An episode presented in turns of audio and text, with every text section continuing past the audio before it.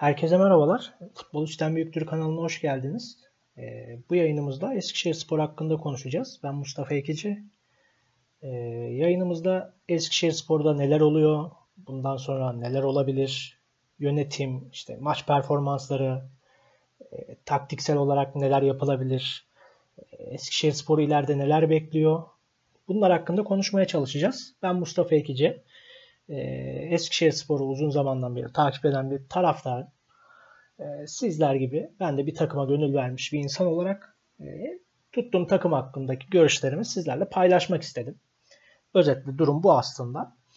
Ee, öncelikle dilerseniz Eskişehir Spor'daki genel durumdan bir başlayalım. Çünkü Eskişehir Spor'da hani sürekli olarak haberlerde de görülüyor zaten. Eskişehir Spor'da maddi durum kötü. Ee, bunu idare etmeye çalışan çok iyi niyetli bir yönetim var. Ama ortada idare edilebilecekten fazla bir borç olduğu için de e, Mustafa Akgören başkanlığındaki yönetim elinden geleni yapmaya çalışıyor. E, Kasım 2019'dan bu yana. E, şimdi Eskişehir Spor yönetimi taraftan içinden gelen yönetim. Bu yüzden taraftar desteğini de fazlalıkla arkasına alan bir yönetim aslında. Yani Eskişehir Spor en son 8 Şubat 2020'de maç kazanmış. Tabi e, arada bir pandemi dönemi vesaire oldu ama yani 8 Şubat 2020'de kazanılan bir maç var. Bir seneyi geçti. Geçen hafta. E, hani bu süre yani oldukça uzun bir süre. Normal şartlar altında taraftarın hani her ne kadar maddi durum ortada olsa da e, böyle bir durumda yönetimin karşısında olması gerekiyor ama yani taraftar da durumdan haberdar. Zaten yönetim açıkça durumun ne halde olduğunu taraftara söyledi. Ee, bizden beklentilerinizi yüksek tutmayın. Bizim amacımız kalabilirsek ligde kalmak ama o da çok zor diye özellikle belirterek e, durumu ortaya koydu. E, Eskişehir Spor yönetiminin şu anda gösterdiği mücadele aslında takdire şayan. Şu bakımdan e, hani e, bu ligde gelirin Süper Lig'e göre çok düşük olduğu bir gerçek. Hani düşen takımların ne hale geldiğini biliyoruz zaten işte. Elazığ Spor olsun, Karabük Spor olsun. Durumları ortada. Yine aynı şekilde Mersin Mayor'da olsun. Durumları ortada bu kulüplerin. Ee, ilk düştüğü sene Eskişehir Spor hani bir Göztepe ile playoff finali oynadı ama çıkamayınca ikinci sezonda artık yavaş yavaş takım dağılmaya başladı. O ilk sezonki kadro Erkan Zengin'in e, olduğu kadro oldukça başarılı bir kadroydu ama finalde penaltılarda Semih Şentürk ve Uğur İnceman penaltı kaçırdı. Bu tarz isimlerde zaten finalde penaltı kaçırdıktan sonra yapabilecek hiçbir şey de kalmıyor maalesef. Hani ne kadar transfer yaparsanız yapın sezonun en önemli maçında penaltıyı kaçırınca Göztepe Süper Lig'e çıktı. E, işte Süper Lig'le artık e, aradaki maddi farklardan dolayı da malum e, durum bu hale geldi. Şimdi şöyle e, iki senedir Eskişehir Spor zaten yani kötü bir takım. Yönetiliyor ama nasıl yönetiliyor? Gelen direkt borçlara gidiyor. En son Eskişehir Spor yönetimi transfer döneminde bir transferi açma çabasına girdi. Onda da hani neredeyse başarıyordu Mustafa Akgören yönetimindeki e, ekip. Aynı zamanda Fatih Baturaygil vesaire yani tek tek isim saymaya gerek yok. Başkan olduğu için Mustafa Akgören'den sürekli bahsediyorum. Hani neredeyse transfer açılmak üzereydi. Ee, söylenene göre Eskişehir Spor transferi açmak için 5 tane imzaya kaldı. Ama bu imzaları almayı bir türlü başaramadı. Kimlerdi o isimler? Ee, Eskişehir Spor, Hasan Hüseyin Acar, Aytaç Öden ve Kıvanç Karakaş'tan futbolculardan imza alamadığı için transferi açamadı. Diğer imza alınamayan iki dosyada Trabzonspor ve Konyaspor'du. E tabi 80 küsür dosyadan 5 dosyaya indikten sonra olay hatta 100'e yakın dosyadan diyelim bir heyecan da oldu. Hatta Erkan Zengin'in e, bu dönemde çok aktif olduğu e, yanında işte Volkan Şen, Mehmet Akgüz gibi isimlerle gelip keza Kurtuluş Yurt bu isimlerle gelip takımı bu sene ligde tutmaya çalışacağı e, kemik bir kadroyla bu ligde de tecrübeli bir kadroyla bu sene ligde kalmayı başarıp seneye de playoff'u veya şampiyonluğu zorlamaya düşünüyordu. Ama hani e, olmadı. Özellikle e, Hasan Hüseyin Acar ve işte Kıvanç Karakaş'ın imza verilmeyeceği anlaşıldı. Ben özellikle Hasan Hüseyin Acar'ın e, imza vermeyeceğini Alanya Spor tarafından birinci ağızdan teyit ettirdim. Hiçbir şekilde borcun ödenmeden Hasan Hüseyin Acar imza vermeyeceğini net bir şekilde belirtti. Sonrasında Eskişehir Spor yönetimi de zaten hani e, tabii ki şartları zorladı ama yani daha önemli olan e, FIFA'da küme düşme e, hakkı bulunan dosyaları, işte puan silme hakkı bulunan dosyaları halletmeyi tercih etti. E, zaten Mustafa Akgören de ilk geldiği günden bu yana transferi açmayı düşünmediğini belirtiyordu ama yönetim içerisinden bazı e, yöneticiler transferin açılması gerektiğini, açılırsa iyi olacağını, Eskişehirspor'un şu ligde e, iyi bir kadroyla ikinci yarıda iyi bir performans göstererek ligde kalabileceğini düşündüklerini iletmişler başkana. Başkan da e, Erkan Zengin de aynı şekilde e, yeni gelecek ekiple e, bunu başarabileceğini dile getirince başkan da madem öyle transferi açalım. E, ligde kalabilirsek kalalım ama kalamazsak zaten bu işte Volkan Şen, Erkan Zengin gibi isimler bir buçuk senelik gelmeyi düşündüklerini söylemişler. Bu şekilde anlaşılmış. E, bir buçuk senede de hani düşersek hemen bu kadroyla bu kadroyu koruyarak direkt olarak Spor Toto 1. Lig'e geri çıkarız diye bir düşünceler olmuş. Ama az önce de bahsettiğim gibi elde olmayan şartlar işte maddi yetersizliklerden dolayı Eskişehir Spor yönetimi transferi açamadı. Ama bunun içinde ne kadar uğraşıldığını, gecelerce günlerce uykusuz kalındığını biliyoruz. E tabii ki transfer açmak, transfer yapmak Eskişehir Spor için zaten şu an oldukça zor.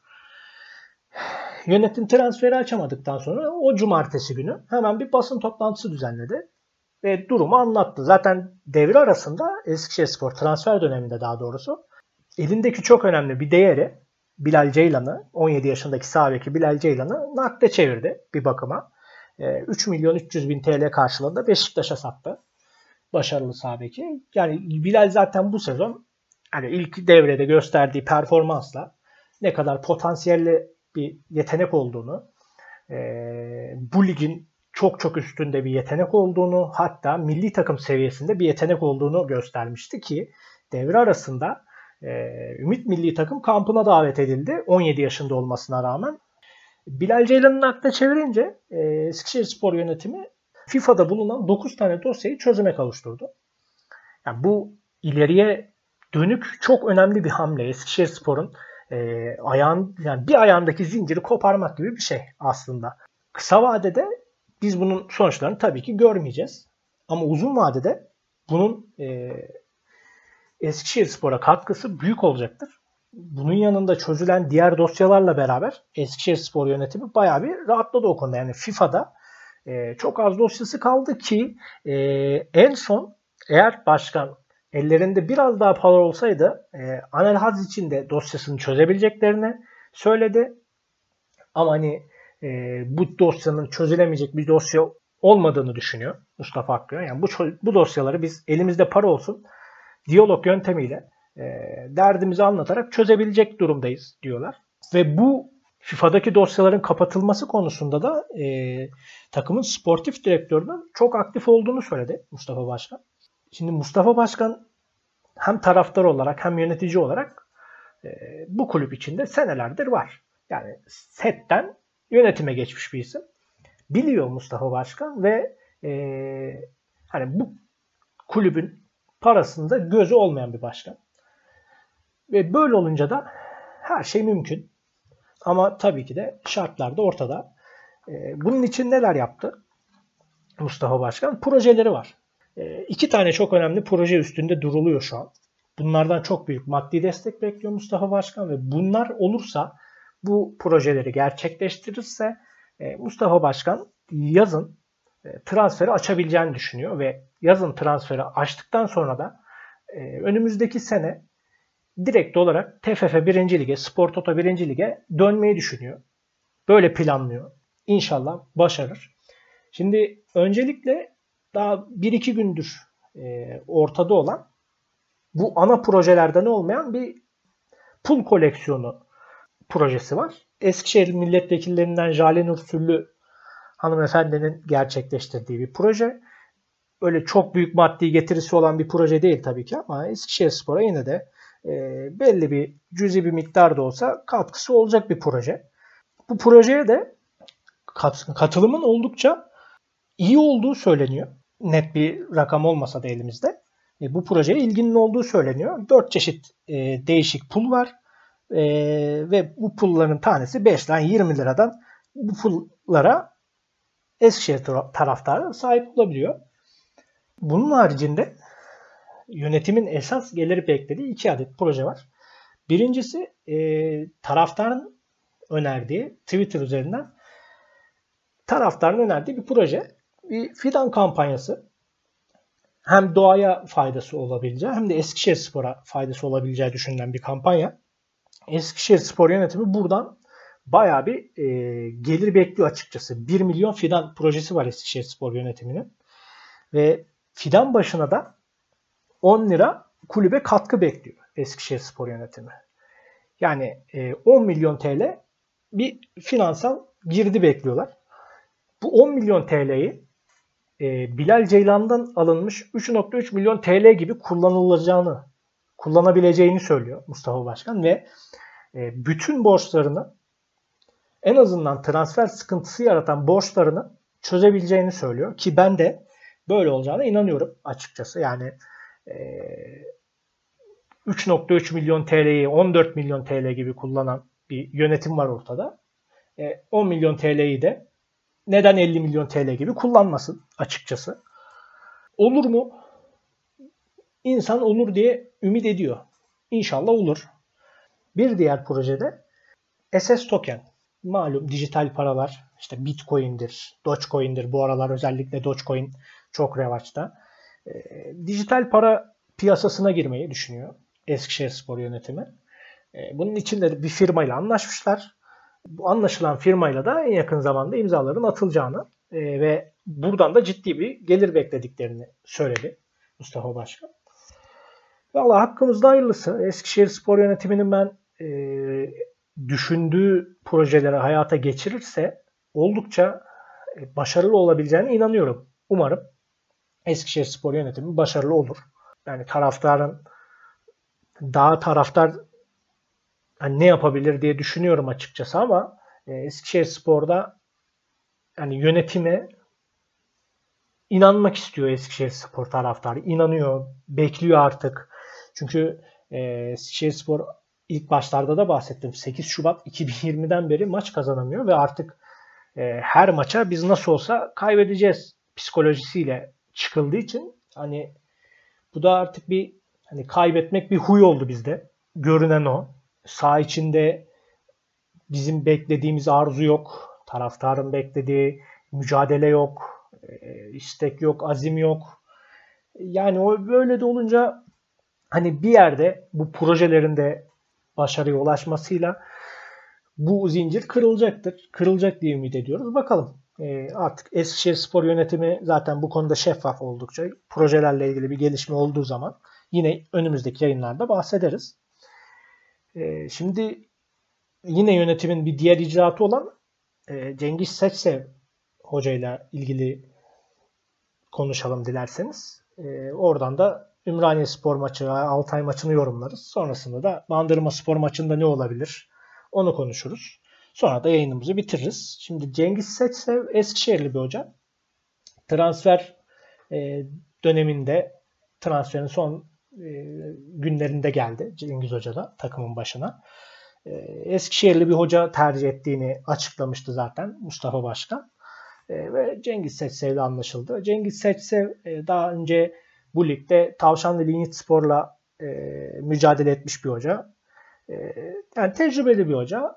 Eskişehirli olduğu için tercih edildi. Hani açıkçası benim çok takip ettiğim bir hoca değil. Ama e, son hafta e, Ümraniye Spor maçında gördüğüm e, mücadele işte taktiksel değişiklikle bana açıkçası ümit verdi. Ama bir taraftar ümit vermesinden ziyade takımı biraz ateşlemek gerekiyor. Çünkü şimdi e, bu seneye baktığımız zaman Eskişehir Spor'un benim aklımda kalan en başarılı maçlarından birisi Adana Demirspor deplasmanı. Yani en başarılı maçlardan birisi dediğimiz Adana Demirspor'a 4-1 yenildi Eskişehir Spor. Ee, yani 70 dakika bayağı Adana Demirspor gibi bir takımı zorladı Eskişehir Spor. Yani hatta bu 70 dakikanın en iyi oyuncusu e, Adana Demirspor'un kalecisi Zubas'tı. O derece iyi oynuyordu Eskişehir Spor ama işte e, 1-0'da öne geçti. Mehmet Özcan'ın attığı golle ama ondan sonra e, bir gol yedikten sonra zaten 70'ten 80 85'e kadar zaten 3-1 olmuştu maç. Ondan sonra da kontra ataklarla dördüncü golü buldu. Adana Demirspor maçta 4-1 bitti. Ama o 70 dakika şu kadronun aslında yani bizim görmek istediğimiz mücadeleyi yansıtan bir oyun vardı ortada. Hani her ne kadar e, maçın sonucuna yansımamış olsa da ümit veren bir oyun vardı. Ve o maçta Eskişehirspor beşli savunmayla çıkmıştı. 5-4-1 gibi oynamıştı Eskişehirspor ve e, İlhan Hoca'ydı o zaman teknik direktör. İlhan Hoca da bayağı çalışmış gibi görünüyordu maça.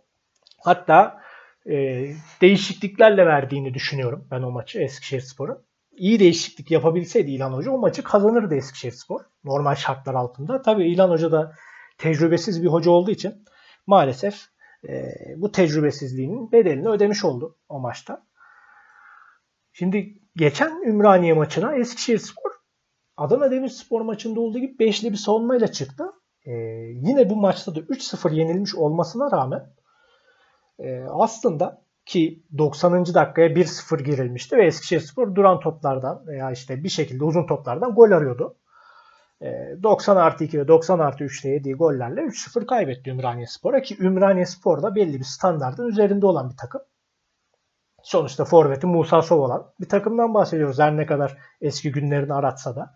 Şimdi beşli savunma benim özellikle Adana Demirspor maçında gördükten sonra o oyunu bu takımda denenmesi gerektiğini düşündüğüm bir sistem. Yani çünkü e, Mevlüt Çelik ve Furkan Balaban iyi bir ikili olamıyorlar. Oldukça potansiyelliler. Yani Mevlüt bundan iki sene önce benim Mehmet Özcan'dan daha yetenekli olarak gördüğüm bir oyuncuydu. Ben açıkçası Süper Lig'e transfer yapmasını bekliyordum Mevlüt Çelik'in. Öyle de bir oyun oynuyordu ama ondan sonra ne olduysa Mevlüt bir senedir, bir buçuk senedir artık tanınmaz bir durumda. Yani zaten ee, tamam ayağı iyi olabilir ama yani savunmada yaptığı basit hatalar oldukça belirleyici oluyor. Ki savunmada hata yapma şansınız bu ligde yok. Yani eğer Eskişehir Spor'sanız hiç yok. Çünkü gol atamıyorsunuz. Gol atamadığınız sürece savunmada yapılan en basit bir hata da rakip takımlar tarafından değerlendiriliyor. Kalenizde golü görüyorsunuz. Şimdi Cengiz Hoca Furkan ve Mevlüt'ün arasına yılların kaptanı Sezgin Coşkun'u koyarak çıktı maça. Ki burada da e, Eskişehir Spor ilk yarı özellikle gayet iyi futbol oynadı ve en azından bir standart koydu ortaya. E, Sabek'te Emir'i ben beğendim. İlk defa 11'de çıktı bu sene. Bilal'in yerine tabii onu mu izleriz artık başka birisi oynar mı bilmiyorum ama hani sol bekte zaten Erdal Aklar'ın şu an için bir e, alternatifi yok. Çünkü TFF birincilikte sol bek durumu ortada. Birkaç takım dışında öyle sol bek iyi olan e, bir takım var mı diye düşünüyorum şu an için. Aklıma gelen de bir hani bir Mehmet Uslu geliyor aklıma ilk olarak. Ufuk geliyor Altın Ordu'dan. Mesela Ümraniye Spor'un sol beki Ercan'ı ben takımımda tercih eder miyim? Bilmiyorum açıkçası. Ha, e, bir asisti var er, Ercan'ın yine ama hani standart belli. E, beşli savunma oldukça iyi olunca kalede de Ebrar oynadı bu hafta. Geçen hafta e, Altay maçında Melih 5 gol yedikten sonra bu hafta Ebrar'ı tercih etti Cengiz Hoca. E, heyecanlıydı Ebrar. Normal. Hani tecrübesi yok Ebrar'ın. Tecrübesi olmadığı için de e, normal. Eli ayağına dolaşabiliyor. Hani biz de burada yayın yaparken ilk yayınımız ağzımız dilimize dolaşıyor. Onun dışında orta sahada Buğra, Tolga ve Mehmet Özcan üçlüsüyle çıkıldı sene başında gitme durumu vardı Tolga Yakut'un. Mustafa Özer Tolga'nın kadro dışı bırakılmasını istemiş ve kendisine kulüp bulması istendi Tolga'da. Tolga kadro dışıydı sezon başında. Takıma katıldıktan sonra sezon başı kadro dışı olan bir oyuncunun takımın seviyesini bir tık üstünde görmek beni şaşırttı. Biraz da üzdü açıkçası. Şimdi o bölgede oynayan mesela Furkan Bolat'tan ben daha çok performans beklerdim. Çünkü kadro dışı kalmamış. Bir hazırlık süreci geçirmiş. Belli yüklemeler yapılmış. Ama e, Tolga ondan daha iyi performans verebiliyor. E Buğra zaten Eskişehir Spor yönetiminin çok şeyler beklediği bir e, potansiyel. 16 yaşında daha. E, belli fiziksel eksiklikleri, mental eksiklikleri olabilir ama potansiyelini e, yansıtmasını bekliyor Eskişehir Spor yönetimi ve taraftarı. Diğeri de Mehmet Özcan. Zaten hani Mehmet Özcan'ın e, bu takımdaki durumu işte Eskişehir Spor için e, gösterdiği performans ortada. Hani bu takımın üstünde Mehmet Özcan ama bu takımın üstünde olması onun da e, zaman zaman sağ içerisinde tırnak içinde söylüyorum salmasını gerektirmez. E, bu üçlü işte Tolga Yakut, Mehmet Özcan ve Buğra Çağlayan üçlüsü potansiyelli, yetenekli bir üçlü. E, ilk yarıda da Mehmet ve Buğra çok potansiyel veremese de Tolga'nın e, iki yönlü verdiği performans sayesinde bayağı dirençliydi Eskişehir Spor. İleride de Kaan Gül ve Berkay vardı. Berkay tanır. Kaan Berkay ikilisi Cengiz Hoca tarafından neden tercih edilmiştir diye düşündüğüm zaman Berkay dripling yapabiliyor. Rakip savunmanın arasına topla beraber girebiliyor. E, Kaan da fiziği yeterli top tutabiliyor. Onun dışında da hani Kaan'ın TFF 1. Lig'de forma giymesi Eskişehir Spor dışında bir takım da olsa pek mümkün görünmüyor. Ama hani e, mecburen artık eldeki oyunculardan en iyisi budur diyerek Cengiz Hoca da Kaan'ı oynatıyor. Ha, iyi bir ikili olabilir mi? Olabilir. Çünkü Kaan belli bir e, fiziği var. O fiziğini kullanabilme yeteneği de var. Ama Berkay'la hiç beraber oynamadıkları için ki zaten bu hafta da oynayamayacaklar. Berkay kırmızı kart gördü Ümraniye Spor maçında hakeme rezilsin dediği için. 5-3-2 e, sistemi benim beklediğim gibi gidiyordu 10 kişi kalana kadar. Ve 10 kişi kaldıktan sonra zaten e, Eskişehir Spor artık elinden geleni yaptı ama yetmedi. Ümraniye Spor tecrübeli bir takım. E, maalesef Eskişehir Spor çok basit bir şekilde yedi ilk golü. Yani Erdal Aktar'ı bir saniye uyudu. Bir ters top Vırsayevic'e. Vırsayevic'in çevirdiği topta boş kaleye bıraktı Ümraniye sporlu futbolcular topu. Gol bu şekilde yenmeseydi basit bir hatadan Eskişehir Spor ilk yarıyı 0-0 bitirseydi nasıl olurdu? Hani artık takımda da tabii psikolojik durum artık iyice yani kaybetmeye alıştıkları için 1-0 olduktan sonra omuzlar düşmeye başlıyor. E Berkay gibi işte genç oyuncular artık sağ içinde isyan edemiyorlar belki ama hakemlere isyanlarını dile getiriyorlar. Olmaması gereken bir şeydi. Atılmaması gerekiyordu Berkay'ın. Kendine dikkat etmesi gerekiyordu. Ama maalesef atıldı. 10 kişi kaldıktan sonra da dediğim gibi ne kadar uğraşsa da Eskişehirspor belli bir e, yetenek seviyesi var. E, Ümraniye Spor da iyi bir takım. Yetmedi. 3-0 mağlup oldu Eskişehirspor. Şimdi Bandırma Spor maçı var Cuma günü. Bandırma Spor'da geçen hafta sürpriz bir galibiyet aldı bana kalırsa. Ee, hiç beklenmedik bir şekilde son dakikada bulduğu golle kazandı Bandırma Spor. Erkan Sözer'e yönetimindeki Bandırma Spor. Hani bu maçta benim beklentim yine beşli savunmayla çıkmasını bekliyorum ben Eskişehir Spor'un. Çünkü savunmada hani tamam basit bir hata yapıldı ama belli bir standardı yakalamış gibi görünüyordu Eskişehir Spor. Ee, beşli savunma, ya savunma hattının yani o 6 kişinin bozulacağını düşünmüyorum ben. Herhangi bir sakatlık, ceza vesaire bulunmadığı sürece. Orta sahada da Mehmet Özcan, Tolga ve Buğra üçlüsünün de bozulacağını düşünmüyorum. Belki e, Buğra'yı yedeğe alabilir Cengiz Hoca. Hani Buğra çünkü son iki maçtır 11'de başlıyor. Fiziksel olarak e, zorlanıyor olabilir. Mental olarak da zorlanıyor olabilir. Onun dışında ileride Kaan'ın yanına ben Hamet Çolacan'ın geleceğini düşünüyorum. Ki e, Hamet bu senenin yine de birkaç ne diyelim parıltısından Eskişehir Spor için bir şeyler yapmaya çalışıyor en azından. Savunmanın arasına girmeye çalışıyor. E, çapraz koşularla rakip savunmayı zorlamaya çalışıyor. Tabi belli bir teknik kapasite var. Son vuruş hiç yok zaten. Son vuruş kalitesi oldukça kötü. E, ama hani bir şekilde bu istek ve e, azimle Bandırma Spor savunmasını zorlayabilir. Geçen haftaki oyundan sonra ben sezon sonuna kadar Eskişehir Spor'un 2 veya 3 galibiyet alacağını tahmin ediyorum. Kazanması muhtemel maçlardan birisi bence. Zor. Tabii ki yani bir senedir kazanamamış bir takımdan bahsediyoruz. Kazanması zor. Ama ben umutluyum açıkçası. Ee, yine karlı bir Şubat günü kazanmıştı Eskişehir Spor. Altınordu karşısında. Yine karlı bir Şubat günü e, bu bir senelik hasrete son verebilir diye bekliyorum ben. Bandırma tabii belli bir standartın üzerinde bir takım. Sonuçta forvetinde Pote ve e, Traore var.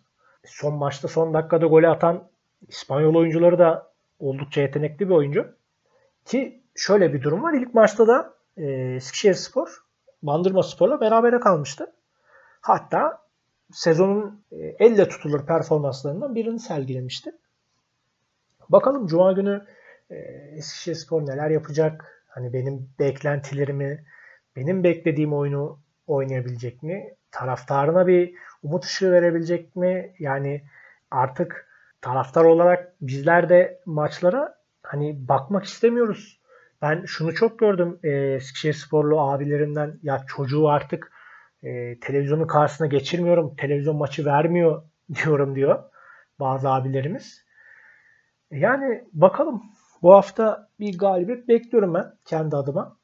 Tabi her hafta bekliyoruz taraftar olarak ama bu hafta e, normal maçlarda %1 ihtimal veriyorsak ben bu hafta ihtimalin %20, %30 civarlarında olduğunu düşünüyorum. İnşallah düşündüğüm gibi de olur. Biraz uzun oldu ilk partımız. ilk programımız. Umarım hayırlısı olur. Umarım beğenirsiniz. Futbol 3'ten büyüktür sayfasını umarım takip edersiniz. Yani yine aynı şekilde beni de Twitter'dan Mustafa Ekici 90 adresinden takip edebilirsiniz. Yayınla ilgili e, görüşlerinizi, eleştirilerinizi yapabilirsiniz. Hani sonuçta ilk yayınım, ilk kaydım, e, hatalarım vardır. Bunlar olabilen şeyler. Hata hayatın her anında var. Eğer sürçülisan ettiysek affola heyecandan dolayı olmuş olabilir. E, dinlediğiniz için tekrar teşekkür ederim. Bundan sonraki programlarda görüşmek üzere. Kendinize çok iyi bakın.